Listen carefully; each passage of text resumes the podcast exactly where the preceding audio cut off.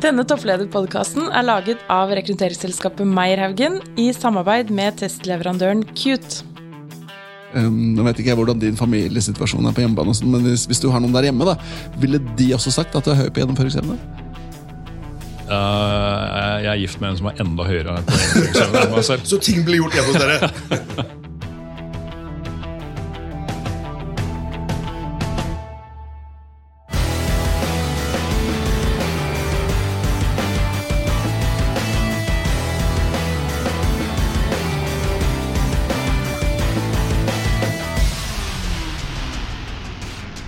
I dag er vi så heldige at vi har med Sjur Gåseide. Sverre. Sjur Gåseide, velkommen til studio. Takk skal du ha. Og Hvilken organisasjon er det du jobber i? Jeg jobber i Deloitte, i Deloitte her i Norge. Ja, og Der er du CEO and country manager, stemmer det? Det er riktig. Og Vi har jo juksa litt, Sverre. Vi har jo kikka litt på eh, LinkedIn-CV-en til Sjur. Og da fant vi egentlig bare ett punkt ja, det var bare ett punkt, og det var gjettelek på hvor lenge spurte Petter, hvor lenge tror du han har jobba mer eller mindre 15 år. Så sa jeg ja, mer. Mer eller mindre 20. Ja, mindre. Men så ble det bare høyere og høyere. Ja. Så vi fant ut at du hadde jobbet nesten hele, hele, karrieren din i Deloitte, stemmer det? Ja, det er riktig. Jeg, eh, det var den jobben som jeg eh, søkte på og fikk når jeg var på vei ut av studiene. Ja. Eh, og, og, det er nå da 31 år siden. Ja. Så sånn kan det gå. Det må ha vært et godt valg, da? Ja, altså jeg pleier å si det at uh, altså Enten så er det jo fordi at det er ingen andre som vil ha meg, uh, eller så har det vært et godt og riktig valg. Så jeg, jeg velger jo å, å, mene det siste. Men jeg, jeg, må bare spørre, Nå går vi rett på her, da. men 31 år, var det det du sa? Mm. Hvor mange ganger har du vurdert Søren, skal jeg gidde det her? Skal jeg gjøre noe annet? Du, det er ikke noe tvil om at jeg hadde kanskje et par sånne tidsperioder relativt tidlig i karrieren hvor jeg eh, var inne på den tanken. Um, uh, men så har det jo vært sånn at eh, Deloitte har vært snille med meg. Og, jeg har vel vist at jeg, jeg kler den, den type rolle. Eh, men, men altså, det er et godt eksempel. fordi at når jeg hadde jobbet i ca. fire år, så, så, begynte jeg å kjenne på det at liksom, nå trenger jeg noen nye utfordringer. Uh, men heldigvis så hadde jeg vett nok til å gå til sjefen min og så sa jeg at uh, jeg trenger noen nye utfordringer. hva med om jeg får lov til å jobbe for Deloitte et annet sted enn Norge? og det, På det tidspunktet så var vi jo relativt ung og umoden som organisasjon, men, men, det endte opp med jeg dro til USA, og så jobbet jeg i USA i et drøyt år. Ja. Og, og, Det er jo et godt eksempel på hvordan man kan liksom, legge til rette for en, en videreutvikling som gjør at man slår de tankene fra seg. Ja. ikke sant? For, for tidsånden nå er jo at eller hva skal jeg si, i hvert fall i vår bransje, da, som er rekrutteringsbransjen, så ser man jo ok, hvor, hvor, hvor lenge må jeg være et sted for at det ikke skal se for kort ut. Altså, Er det tre år, er det to år, er det fire år? Um, men så er det jo litt at du har vært et sted, men mange steder innenfor Deloitte, som du her nevner. Mm. Og så er det litt forskjell på om man har vært på bunnen av organisasjonen i 31 år, eller om du har vært på toppen, sånn som du har vært da, og, og i hvert fall de siste ganske lenge, faktisk. Så du har vært både sjef i Norden og du har eh, på, på konsulentsiden. Så du har på en måte hatt en rekke toppverv mm. innenfor en veldig krevende bransje og en spennende organisasjon. Og I dag skal vi snakke om toppledelse og hvordan det er å sitte på toppen alene. Eh, men eh, på slutten av denne så skal vi stille deg tre kjappe spørsmål. Okay. Det ene er eh, om du har eh, no, hatt noen forbilder opp igjennom. Det andre er ditt beste tips for work-life balance. Og det tredje er et generelt ledertips, det beste du kan gi til folk. Så skal jeg tenke litt på det. ja, gjør det. Men først så skal vi bli bedre eh, kjent med deg, Sjur. Og hvis vi hadde møtt hverandre på en fest, da, og så det kom bort der, og så hadde jeg stilt deg spørsmål hva tenker du om, eller hva mener du om? Og dette er det tema, favorittemaet ditt. Du får liksom blod til å bruse, og du bare tenker Yes, dette er favoritten min. My guilty pleasure. Det bør ikke være jobb, eller helst ikke jobb. Tema, hva skulle det vært?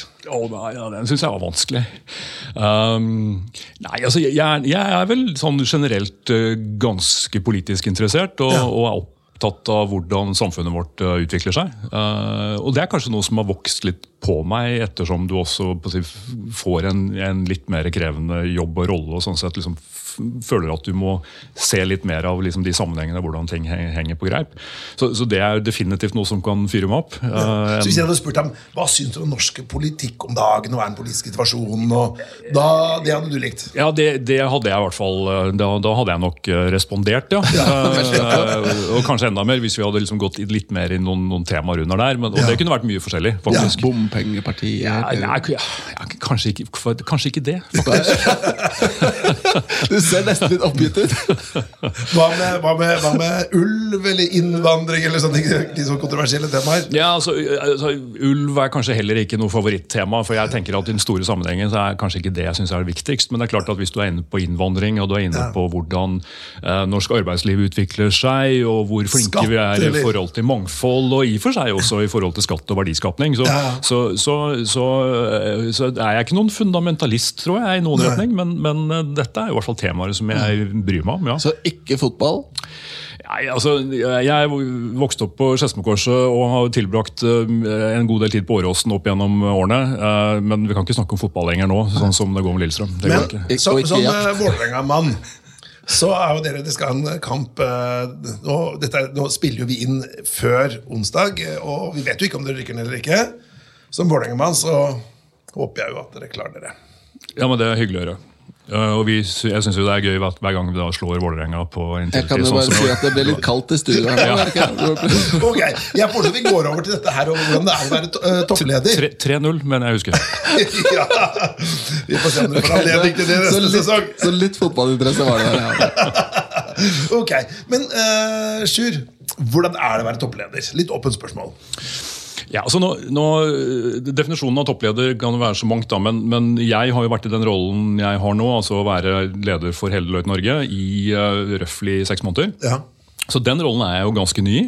Um, og det er, men som du var inne på i sted, så har jeg jo vært leder av konsulentvirksomheten vår, som jo er en relativt stor del av, av Deloitte i Norge. Og det har jeg vært de siste ni årene før det, så jeg har jo sånn sett øvd meg ganske lenge. Um, men, men den topplederrollen som jeg sitter i nå, er uh, distinkt annerledes. Um, uh, enn de erfaringene, ledererfaringene jeg har før. Og Det er i og for seg interessant, og det var jeg nok ganske forberedt på, men, men, men du får deg noen overraskelser. altså. Ja, for Man kan jo være litt teoretisk forberedt på det. Man kan ha lest noe managementlitteratur. Men akkurat det å stå der på toppen og tenke jøss, nå er det meg. Men hva, hva, er, hva er de største Hva er det som er mest annerledes fra hva du hadde tenkt? Nei, det, det, altså nå er vi en virksomhet eh, som fra både globalt og i Norge eh, består av fem eh, forretningsenheter som, eh, som driver da revisjon, advokatvirksomhet og litt uh, ulike former for rådgivning. Eh, og, det gjør at eh, det er jo i de fem eh, områdene at vår verdiskapning skjer, og det er der vi drifter. Så det operasjonelle ansvaret det har jeg vært vant til å ha veldig veldig klart og tydelig i veldig mange år. Og nå er jeg på mange måter litt lenger unna den daglige driften og det operasjonelle ansvaret. Og det har jeg brukt litt tid på å venne meg til, rett og slett. Så, å slippe? Ja, ja. Altså, jo, det er jo å slippe, men samtidig så det klør litt i fingrene. da. Ja, jeg skjønner. Litt begge deler. Og det er, jo, det er jo andre som har nevnt det samme, at det er, Ja. en, av, det er en av overgangene. Ja, det, det vil jeg si er kanskje en av de største Hva skal vi si Vi skal komme tilbake til det der med hvem som kan være toppledere altså fra en rekruttering fra mellomledere. Men det å slippe detaljene, da. Slippe hva skal vi si, eh, hjertebarna dine. Eh, og måtte bare prøve å være liksom på det overordnede nivået. Det er det som mange opplever som ganske frustrerende da, med å være toppleder. Eh, men jeg tenker Deloitte eh, Dere er jo en i den der sagnomsuseklubben De fire store. Og sett utenfra eh, så virker det jo ganske like. Man må du si som kjennetegner Deloitte. Hva er det som deres unikhet? Nei, altså, du, du- jeg er jo ikke objektiv her, så, så det må jeg bare si. er her har du lov å være subjektiv. uh, nei, altså jeg, jeg oppfatter at det vi uh, har lagt veldig stor vekt på selv, og det vi også får veldig mye tilbakemeldinger på fra omgivelsene, både fra våre kunder og kall det fra det markedet, også i rekrutteringsmarkedet og de vi forsøker å tiltrekke oss, det er at vi har en kultur som, som skiller seg litt ut fra de andre. Um, at vi har alltid vært en veldig inkluderende kultur. At vi er alltid vært veldig opptatt av vi eh, fremfor jeg. Eh, og at vi sånn sett eh, opplever jeg har en, har en kultur og en måte å agere på som i denne bransjen er kanskje litt rundere enn gjennomsnittet. Ja. Det er i hvert fall det vi selv føler på, og som vi får en god del tilbakemelding på. Eh, Så, så Det er den ene siden av det. Den andre siden av det, som er ren sånn hva vi står for, um, så, så, så forstår jeg at det kan være vanskelig å se forskjell. Vi, vi bruker mye tid på å snakke om vårt eh, selskapsformål og, og se hvorfor er vi her, og hva er det egentlig som gjør at Deloitte mm. si, fortjener å være en virksomhet. Uh, og, og, og, vi, og, dette kan bli litt sånn pompøst, men, men, vi har et formål som vi snakker om som heter 'Make an impact that matters'. Og, det å, å virkelig forsøke å få det til å bli en realitet i hverdagen i forhold til å skape en forskjell. Både for de kundene vi betjener, men, men også for det samfunnet vi er en del av. Og, og, også for de menneskene som velger å jobbe hos oss. Det er faktisk noe som vi, vi prøver å vektlegge veldig, veldig tungt. Um, så det er altså noe rundt liksom, den vinklingen inn i dette som, som jeg i hvert fall mener er en viktig del av vårt DNA. Ja. Men uh, et spørsmål da, fordi den, dette med å finne denne the why. Mm. ikke sant? Mm. The impact that matters. Mm. Du har jo jobbet der nå i 31 år og ja. vært fra bunn. Ja. Hvis du tenker tilbake, da, for Det er alltid interessant fra et rekrutteringskontekst, hvordan klarer du å knytte denne jobben til den store hensikten? da? Mm. Eh, når har du følt på jobb at, liksom, at, du virkelig har levert på den impacten? da? Mange ganger mange ganger. Og så, og så, skal jeg være så ærlig å si at bevisstheten rundt dette har nok liksom kommet tydeligere frem gjennom årene. Uh, og, og, og, jeg har et mer bevisst forhold til det nå. Men, men, at, men til å ta noen eksempler. Altså jeg har hatt gleden av å være rådgiver inne i en del store virksomheter hvor jeg har fått lov til å følge dem såpass over lang tid at du på mange måter kan spille en, en en annen rolle enn å bare liksom, komme med faglige råd og være en flink konsulent, men også å hjelpe organisasjonen å forstå nesten hverandre. altså Få ledere til å, å si, forstå hvordan de bør agere in, internt i en organisasjon for å, å si, skape mer verdi i den rollen de selv er. Det er et eksempel. Et annet eksempel er eh, litt sånn type virksomheter du jobber med hvor du føler at formålet er noe mer enn å si, bare tjene penger. Jeg har jobbet uh, i en god del år i det norske barnevernet, f.eks. Ja. på rådgivningssiden. Som jeg må si er, er, jo kjempegivende når du kan liksom, se hvordan det du bidrar med, ikke bare er snakk om å si, jobbe mer effektivt, men også se hvordan det bidrar til at man klarer å få mer ressurser inn i å faktisk skape et godt barnevern, som et eksempel. Ja. Så, så det, er, det, er, mange sånne ulike eksempler hvor jeg faktisk reflekterer over nettopp dette spørsmålet. Ja. Men du, eh, Vi skal også prate litt om disrupsjon av bransjen, mm. altså rådgivningsbransjen. Mm. Men du har jo vært da med noen år. Eh, hva vil du si har vært den store endringen innen din bransje? Hva skal jeg si, for hva kunder krever, mm. kunder forventer da, la oss si de siste ja, 20 årene? da? Har det vært noen endring? Ja, er, jeg tror det er nesten vanskelig å forstå hvor stor den endringen har vært. fordi at du blir sånn fartsblind eh, fra den ene dagen til den andre og ser ikke helt liksom, det. men Eh, jeg har, I forbindelse med at jeg tok over som toppleder, så hadde jeg jo egentlig anledning til å stoppe litt opp og reflektere litt, og så se litt tilbake og forsøke å trekke noen linjer som jeg har brukt en god del eh, tid på å snakke om internt.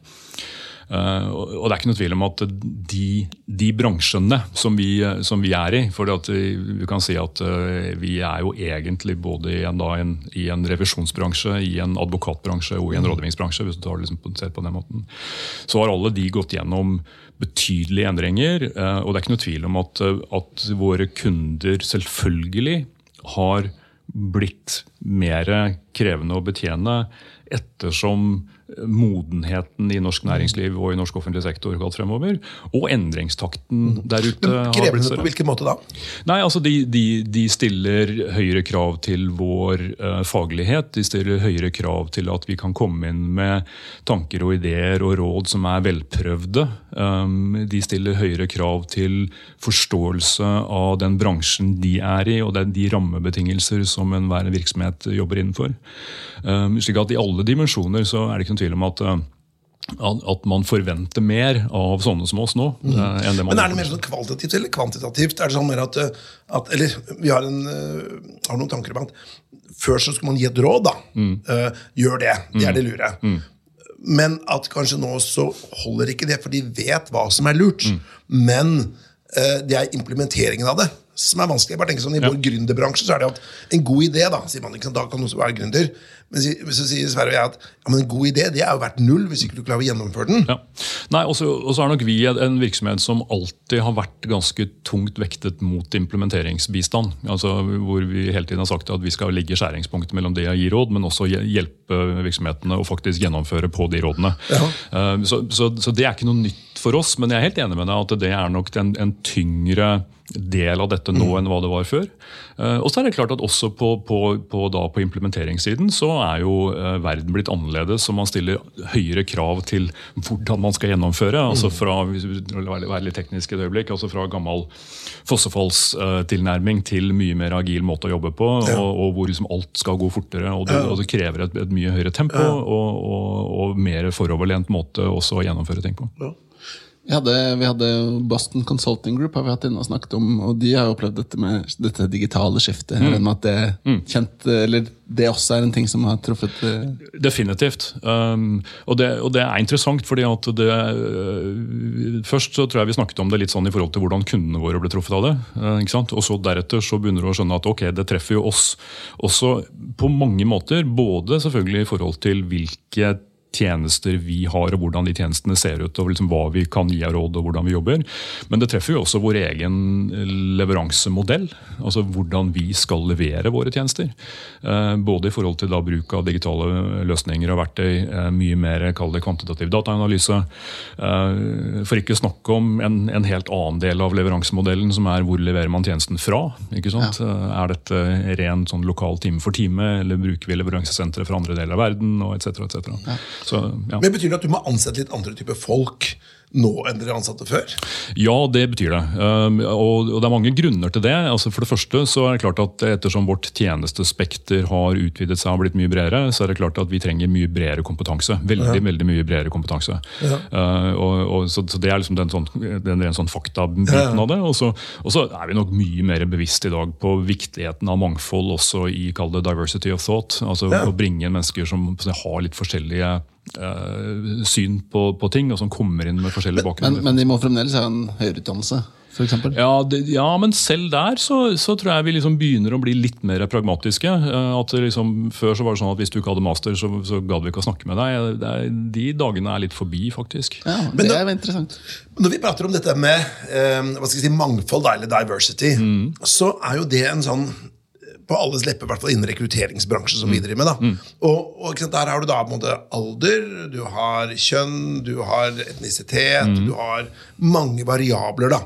Um, hva, hva tenker du med liksom, mangfold når dere skal rekruttere? Hva er det som er viktig for dere? Hvilke, hvor mange variabler tar dere inn i innen mangfold? Alle sammen. Ja. Gjør dere det?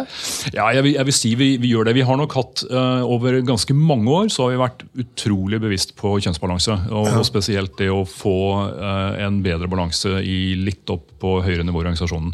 Eh, vi er jo i den heldige situasjonen at vi på, på nyutdannet rekruttering har hatt en, en veldig sånn privilegert posisjon og rekrutterer utrolig bra, og mange. ikke sant? Vi tar inn en 150 nyutdannede i året eller noe sånt nå.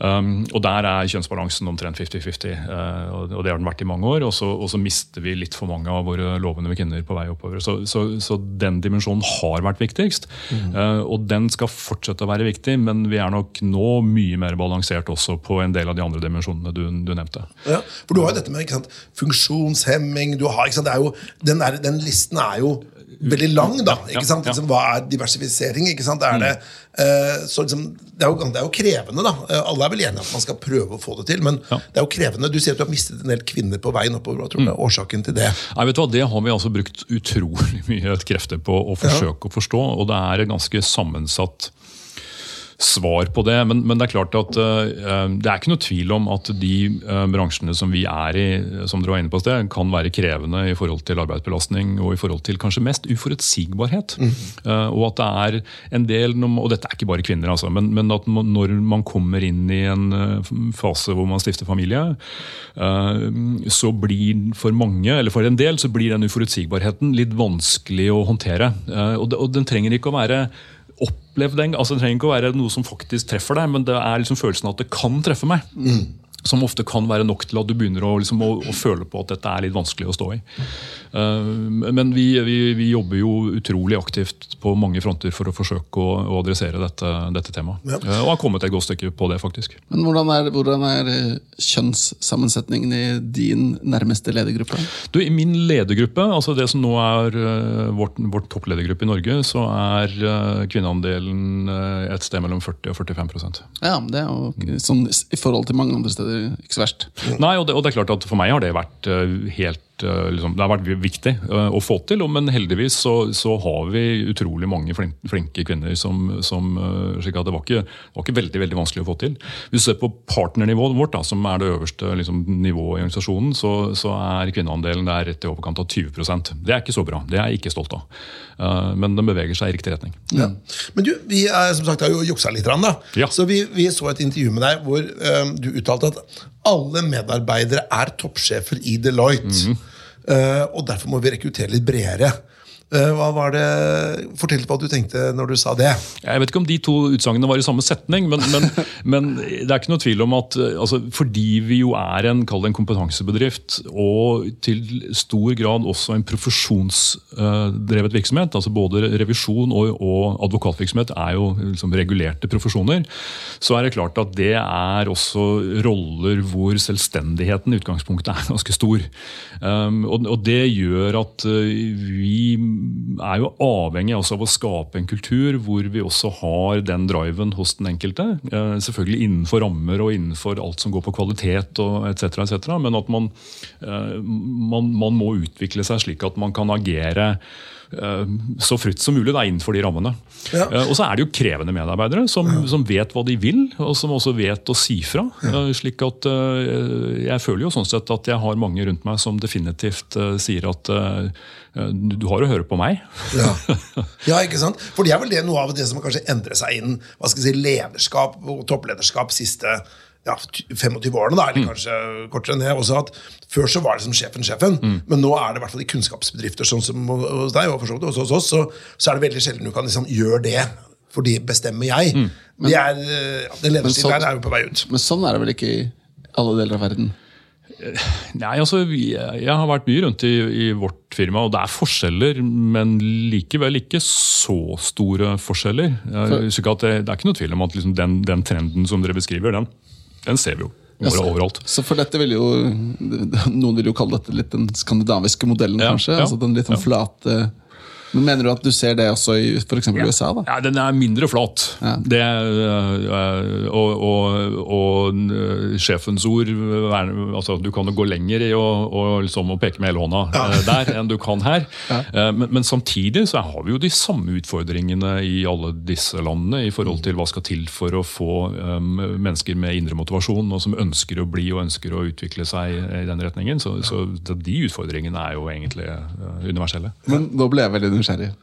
Eh, Du har vært leder lenge. Eh, Har du noen gang måttet peke med hele hånda i Norge? Eh, ja, det har jeg jo. Um, det, for det, det tenker jeg det er jo helt uunngåelig. Hva altså, slags saker er det, det, da? det kan være smått og stort? Men, men det er klart at vi, vi Det er kanskje spesielt ja, Det er ikke bare i krevende sånne håper å si, vanskelige beslutninger, men det er klart beslutninger både i forhold til tøffe tiltak hvis Vi har, vi har jo vært gjennom noen perioder hvor du må gjøre noe omstilling. Det er perioder hvor du ser at det er noen i organisasjonen som kanskje har bedre av å utvikle seg et annet sted. øh, og hvor det kan være lange diskusjoner, og til slutt må noen skjære igjennom. Uh, og, og da har jeg jo lært meg at er du sjef, så er det du som må skjære igjennom. Ja. Hvordan, hvordan står du i det? da? Er det liksom Eh, Nei, altså Jeg er nok en person som er opptatt av å kjøre gode prosesser. Det har jeg liksom skjønt at det er noe av det som preger meg litt. grann. Eh, Det er ikke sikkert at alle de rundt meg er enige med meg hele tiden, men jeg vil nok hevde det. da, At, eh, at jeg er opptatt av å forsøke å skape prosesser som, som, som gjør at vi får involvert de som skal involveres, og at alle føler at de blir hørt. Um, men, men samtidig så har jeg nok eh, lært meg at en god prosess er også avhengig av at du på et eller annet tidspunkt eh, setter strek og sier at ja. nå må vi komme til en beslutning. og og Hvis ikke den faller på si, helt naturlig på plass av seg selv, så, så må man inn. Uh, eventuelt da med hele hånda, hvis det, hvis det kreves.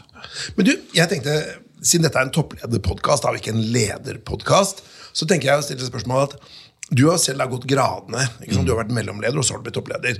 Hva blir den største forskjellen mellom de som er typiske mellomledere, og ikke har noe potensial til å bli toppledere, og de som du kanskje ser der Å, her ser jeg toppledertalent. Hva har de som ikke mellomlederne har? Her føler jeg liksom at grunnlaget mitt for å svare er sånn, sånn passe stort. Så, så, men men, men jeg oppfatter vel kanskje at uh, hvis jeg ser litt på der jeg er nå, da, hva jeg føler er viktig viktig å ha med meg av egenskaper for å kunne fungere bra, så er det klart at eh, det å ha et eh, rimelig velutviklet strategisk perspektiv er jo helt avgjørende. Ikke sant? Og det å sånn sett være i stand til å kunne trekke de litt lange linjene og, og kunne å si, utvikle en strategisk retning eh, er kjempeviktig. Og så må jeg si at jeg har veldig stor respekt for kommunikasjonsdelen av rollen. eh, Både internt og eksternt. Um, og det mm, tror jeg også er, er veldig viktig for å kunne agere bra i en topplederrolle. Uh, egentlig på begge de arenaene. Altså Internt for å, for å mobilisere organisasjonen, og ifra eksternt for å, for å skape den rollen der ute som vi skal ha. Ja. Men jeg tenker sånn eh, eh, Hvordan rekrutterer du, da? Hvis du? For du er jo nå toppleder, og du har selvfølgelig rekruttert mye før også. Men hva er det du ser etter hos medarbeidere hos deg? Ja, Nå rekrutterer jeg kanskje mindre nå enn jeg noen gang har gjort. på, Ja. på sett og vis, da, i og med at eh, som jeg sa i sted, at liksom, operasjonelle ansvaret skjer i, i, i forretningsenhetene våre. Um, vi har vel alltid hatt i, i, eh, i rekrutteringssammenheng en sånn uh, saying at det er viktigere med talent enn det er med skills. Ja. Uh, og så er det også en litt sånn krevende greie. For det er ikke noe tvil om at ettersom denne, disse bransjene har utviklet seg, så har jo skills liksom, kanskje blitt viktigere og, og spissere. Uh, og de må være liksom, dagsferske og alt det greiene der. Men, men fremdeles er det ikke noe tvil om at jeg, vi er nok som organisasjon veldig opptatt av å finne mennesker som vi mener har en en, en grunnleggende personlighet som egner seg inn i en sånn professional services-setting. Og hva er det for noe? Jeg vil si det er selvfølgelig noe av det samme som jeg snakket om i forhold til eh, altså Problemløsning er jo eh, liksom noe av kjernen i det vi driver med. Eh, men det er jo også det å kunne være flink i mellommenneskelige relasjoner. Eh, altså vi, er, vi var så vidt innom tillitsbegrepet her også. Altså tillit er jo helt avgjørende for oss i alt det vi driver med. Og vi er jo avhengig av at enkeltpersonene også kan skape tillit, ikke bare brandet vårt. Um, så, så det mellommenneskelige og evnen til å jobbe godt sammen med mennesker er, um, er avgjørende. Og så, er det klart at uh, forretningsforståelse og, og en, en, en fremoverlenthet i forhold til den kommersielle siden av det vi driver med, selvfølgelig også er, er viktig. Ja. Men du, Sverre, jeg tenkte nå må vi gå over til eh, det med personlighet. Ja, for det menneskelige er jo Det var en Ja, fin jeg bro tenkte Det over. er broen her. Ja. Og denne podkasten gjør det i samarbeid med testleverandøren Cute. Mm. Yes, og Cute de har en eh, test som heter Shapes Executive, og den måler da personlighetstrekk eh, inn i fem ulike akser. Eh, innflytelse, nettverk, gjennomføringsevne, visjon og emosjonelt. Det er liksom hovedblokkene da i denne testen. Så jeg var litt nysgjerrig på, for din del, da, hvis du ser på deg selv som person inn i den jobben du har i dag, hvilke sider ved personligheten din føler du har hjulpet deg? da? Har liksom jobbet for deg? Skal jeg begynne med å si at Vi har en konkurrerende tilnærming til dette som i Deloitte, som heter Business Chemistry, som ikke er like sånn fundamentert i, i personligheter, men er litt mer, mer jobbrelatert. Og Der har vi fire kategorier, um, og alle våre har liksom tatt den opp igjennom fordi vi bruker den en del internt i forhold til å sette sammen team og litt forskjellig. Uh, og, og der er det, uh, det er en kategori som som vi kaller for driver, som er den litt sånn si, målrettede, eh, den som si, ofte tar ansvar for å drive ting fremover. Eh, jeg har mye av den. Ja.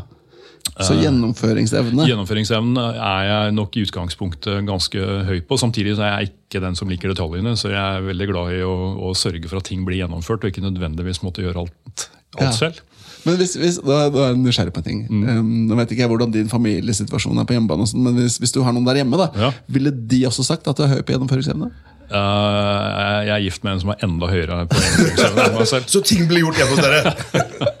Fordi Det er ganske interessant hvordan man kan liksom i en setting få en type rolle, i en jobbsetting, mens på hjemmebane ofte så kan man slappe av på Ja. noen andre ting. Da. Ja, nei, Den kjenner jeg meg ikke helt igjen i, faktisk. Jeg syns vi er preget av ganske bra gjennomføringsevne hjemme.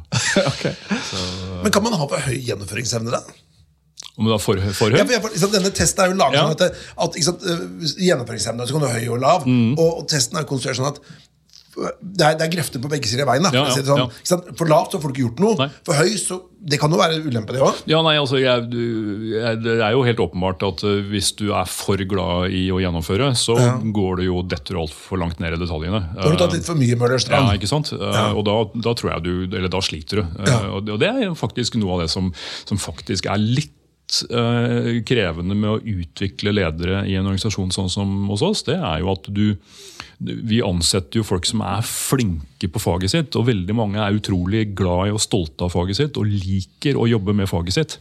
Eh, Og det å, å, å være i stand til å begynne å jobbe gjennom andre og delegere, er faktisk for en del fagfolk ganske vanskelig. Men hvis vi, hvis vi fjerner oss litt fra, fra business chemistry og Shapes Executive, disse personlighetsmodellene Hvis jeg hadde tatt meg en tur da, til tre-fire kompiser av deg, spandert en øl på dem og satt meg ned og prata og spurt han er Sjur, åssen er han egentlig som type? Hva hadde de sagt, Hvordan hadde de beskrevet det?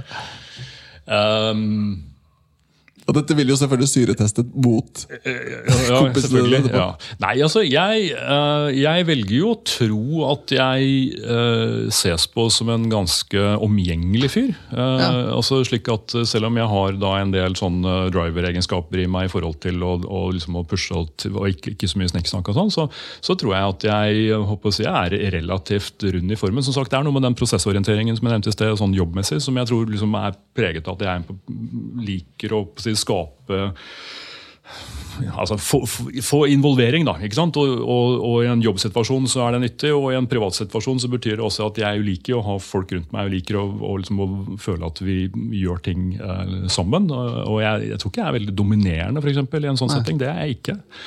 Men om, litt sånn hensynsfull, omsorgsfull Ja, jeg velger jo å håpe at jeg er det. Ja, så bra. Det... Du, vi har et annet sitat fra deg eh, som har blitt sagt. 'Tillit er ferskvare'. Mm. Er dette noe som, som handler om Eller er dette relatert til hvordan du forvalter relasjoner? Dette er et tema som vi, som vi bruker ganske mye tid på uh, i Deloitte. og Det er nok også å huske på at, eh, at fundamentet for Deloitte som virksomhet er revisjonsvirksomheten. Det er, det er på mange måter der vi startet, og er fremdeles en utrolig viktig og sentral del av brandet vårt. Uh, og Både det og i for seg også advokatvirksomheten, uh, i tillegg til det vi gjør på rådgivning, er jo alle sammen områder hvor du er helt avhengig av å få tillit og forvalte den tilliten, skal du kunne utøve de rollene på en god måte. Ja. Så, så ja, Når vi sier det, så er det jo bare for å minne oss selv på at eh, ok, tillit er noe som du bygger. eh, Men det er utrolig fort gjort å rive den ned. Ja. Eh, Og vi må bare være så utrolig oppmerksom på at vi forvalter den tilliten på, på, på, en, på en god måte. Så, Ja. så det er vel noe av det som, som ligger der. Og så er, er det interessant, da, liksom tilbake til dette med samfunnet, at, eh, som vi snakket om i sted, og, hvilken eh, diskusjon vi kunne ta på festen. Ja, At, at vi har jo snakket om Norge som et tillitssamfunn bestandig. ikke sant? Og så kan vi jo se litt rundt oss og lure litt på om den nå er under press, og, og hva det eventuelt gjør med dette samfunnet hvis ikke vi klarer å opprettholde den liksom, graden av tillit. Eh, Det syns jeg faktisk er et ganske interessant spørsmål. Jeg har lyst til å ta et siste personlighetsspørsmål før vi, før vi går videre. For nå har vi snakket litt om Det, det går jo fram, da. Hvis vi ser på disse aksene i Shape Executive, så høres det ut som du er ganske sterk på gjennomføringsevne. Du er ganske sterk på innflytelse. Nei, på, på nettverk, relasjoner og det medmenneskelige. Men hvilke trekk ved personligheten din har du måttet jobbe mot? Nei, altså, jeg, jeg har fått det spørsmålet noen ganger, og jeg pleier å si at eh, jeg, jeg, jeg vet at eh, jeg i min sånn gjennomføringsevne og liksom driver-biten delen av meg, da, den, den kan jo få overslag. eh, og hvis jeg havner i situasjoner hvor jeg syns at ting går i sirkel, går for sakte, blir preget av tull, så, så kan jeg nok eh, utvise noe som kan oppfattes som arroganse. Eh, at jeg da egentlig bare sitter og, og, og egentlig ikke blir så veldig sympatisk. Uh, så det har jeg uh, i hvert fall prøvd å lære meg å jobbe, jobbe litt med. At jeg ikke skal havne i den fella. Og selvbevissthet er viktig. Da, og det høres ut som, liksom, som deg, da, Petter. Hvis jeg er litt treig, så blir jo Petter han går helt på veggen. Nei, det er liksom, Sverre og jeg blir jo litt sånn gammelt ektepar. Da, ikke sant? Vi har starta dette selskapet sammen. Eh, og så blir jo vi veldig godt kjent. da Så, så det er ikke sikkert vi er sånn superforskjellige, men de små forskjellene som er, de blir veldig tydelige da. Det blir de. Veldig, veldig bra. Skal vi Ja, jeg tenkte vi skulle se litt på eh, et siste spørsmål. Da. Det er på den klassikeren. Eh, mener du at en toppleder kan lede hva som helst? Eller bør man ha da den absolutte fagekspertisen? Kunne man kommet inn i Deloitte som, som uh, uten å ha hatt noe revisjonsbakgrunn, for eksempel, da? Eller konsulenterfaring? Um, jeg tror det hadde vært vanskelig. Uh, og jeg tror, og Nå skal jeg ikke si at vi er så himla spesielle, for det, at, det kan alle si, men, men, men, det er klart en ting som kjennetegner vår organisasjon, da, uh, det er jo at det er en partnereid virksomhet. Mm. Og jeg tror det å, å, komme inn og lede en partnervirksomhet uten å være partner selv og liksom ha, vært med og, og på det gått gradene, mm.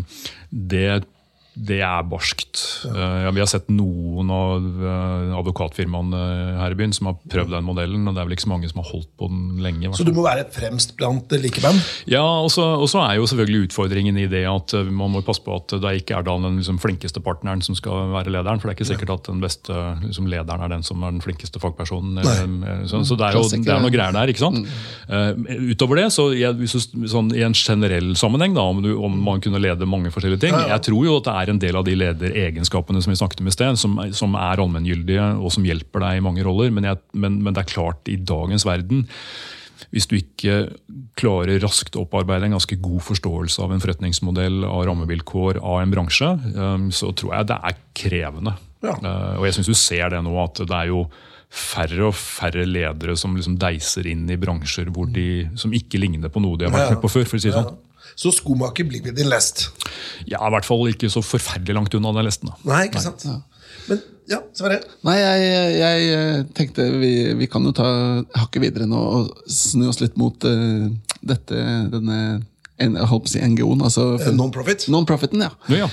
Uh, hvis du skulle ledet en non-profit, mm. kunne velge fritt, mm. hva hadde du valgt da? Du, jeg, um, Alle som kjenner meg, vet at uh, den hobbyen jeg bruker mest tid på, det er musikk.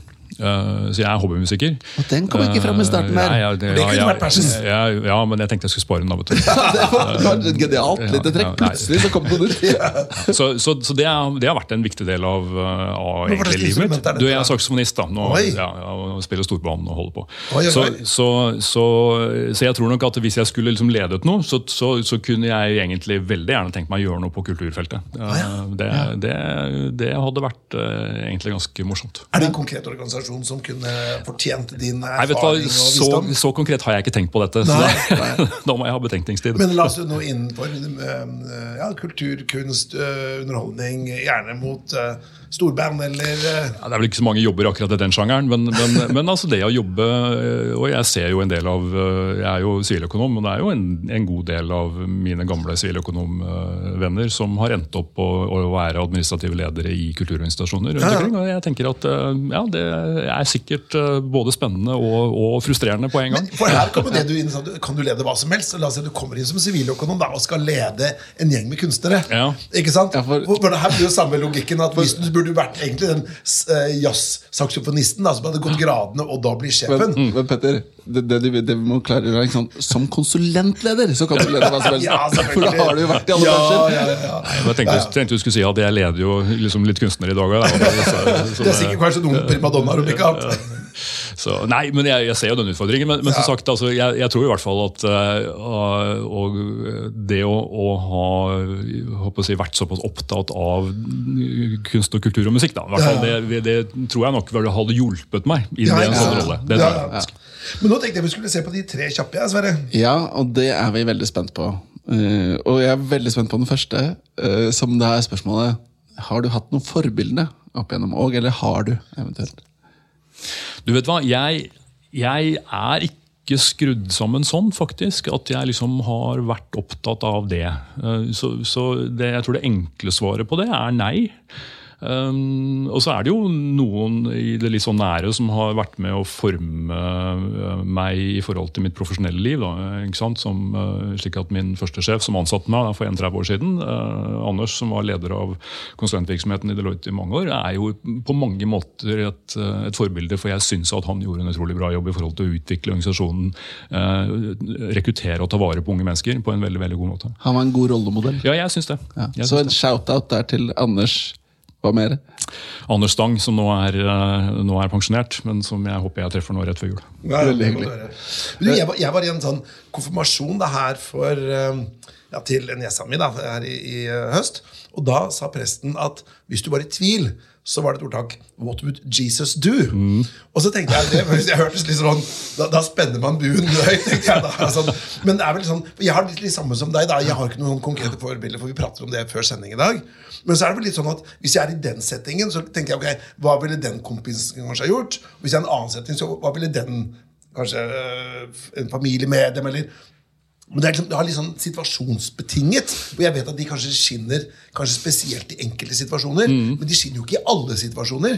Så én konkret person syns jeg også er vanskelig. altså. Altså, det er veldig enkelt. Det er What would Chuck Norris do? Oh, ja, er ja, ja, ja, sorry, jeg er ikke på den bagen heller. Vel, Ok. vel neste. neste. Um, hvis du skal gi ett tips for work-life balance Skaff deg en hobby. Veldig godt. Veldig, Ja, veldig er konkret. Ja. Har du, ja, du har hobby som, som Ja, ja, ja, ja, ja, jeg har det. eh, og For det det- kommer ikke enda mer nå. Det er ikke noe nytt. Nei, nei, ikke, det er ikke, nei, ikke av betydning. Men, nei, men jeg mener det. Altså, jeg jeg syns at det å øh, Eller øh, altså, å skaffe deg en familie. Altså, det er, det er, litt- men, men det er klart at det å, at du har noen sånne fastpunkter utenfor jobb, øh, det har vært viktig. Altså. Og det er klart familien har vært det aller viktigste, øh, og, og selvfølgelig liksom tatt mye tid. Men det å ha en hobby ved siden av som, som Og vi er jo en, en 17-18 stykker som, som øh, spiller sammen og har gjort det i mange år. så er vi veldig gode venner. Og, og det er noe med at vi liksom har blitt enige om at dette er viktig. Sånn? Mange av disse sitter også i krevende jobber, men vi har blitt enige om at det at vi øver sammen en gang i uka, det er viktig. Ja. Eh, og, Det er og det gjør at da, da er det litt sånn eh, gruppedisiplin på at vet du hva, da prioriterer vi det. Ja? Eh, og det tenker jeg er en god måte å, å, å sørge for at du, eh, at du prioriterer liberere. Skaff deg en hobby. Jeg kan legge til, da. Ja. Skaff deg en hobby, men ikke for mange hobbyer. For da Nei, det er- blir det vanskelig. Ja, ja. Ok, eh, Og så er det beste ledertips. Hva skulle det vært? Nei, jeg, det, jeg tror jeg, jeg er ganske enkel der, og jeg, jeg har vel kommet til at det eneste tipset jeg har, det er å være deg sjæl. Ja. fordi at jeg tror at eh, altså Det er klart det er mange ting man skal prøve å være oppmerksom på, men, men, men det å prøve å liksom endre seg selv for å passe inn i en eller annen liksom et format som man tror er riktig, det tror jeg ikke fungerer spesielt bra. Så, så det å beholde sin, eh, sin, eh, sin egen personlighet og være trygg på at det faktisk er bra nok, det, det tror jeg faktisk er ganske viktig. Hel Mm. Bra. men du, Jeg syns dette var veldig spennende, Sverre. Kjempe, kjempeinteressant. Og veldig trivelig å bli litt mer kjent med deg og hvordan du tenker, Sjur. Ja, og veldig hyggelig å bli invitert. Selv takk. Det var en glede å ha deg i studio. Har du innspill eller kommentarer til denne podkasten, kan du sende en e-post til toppleder at meierhaugen.no.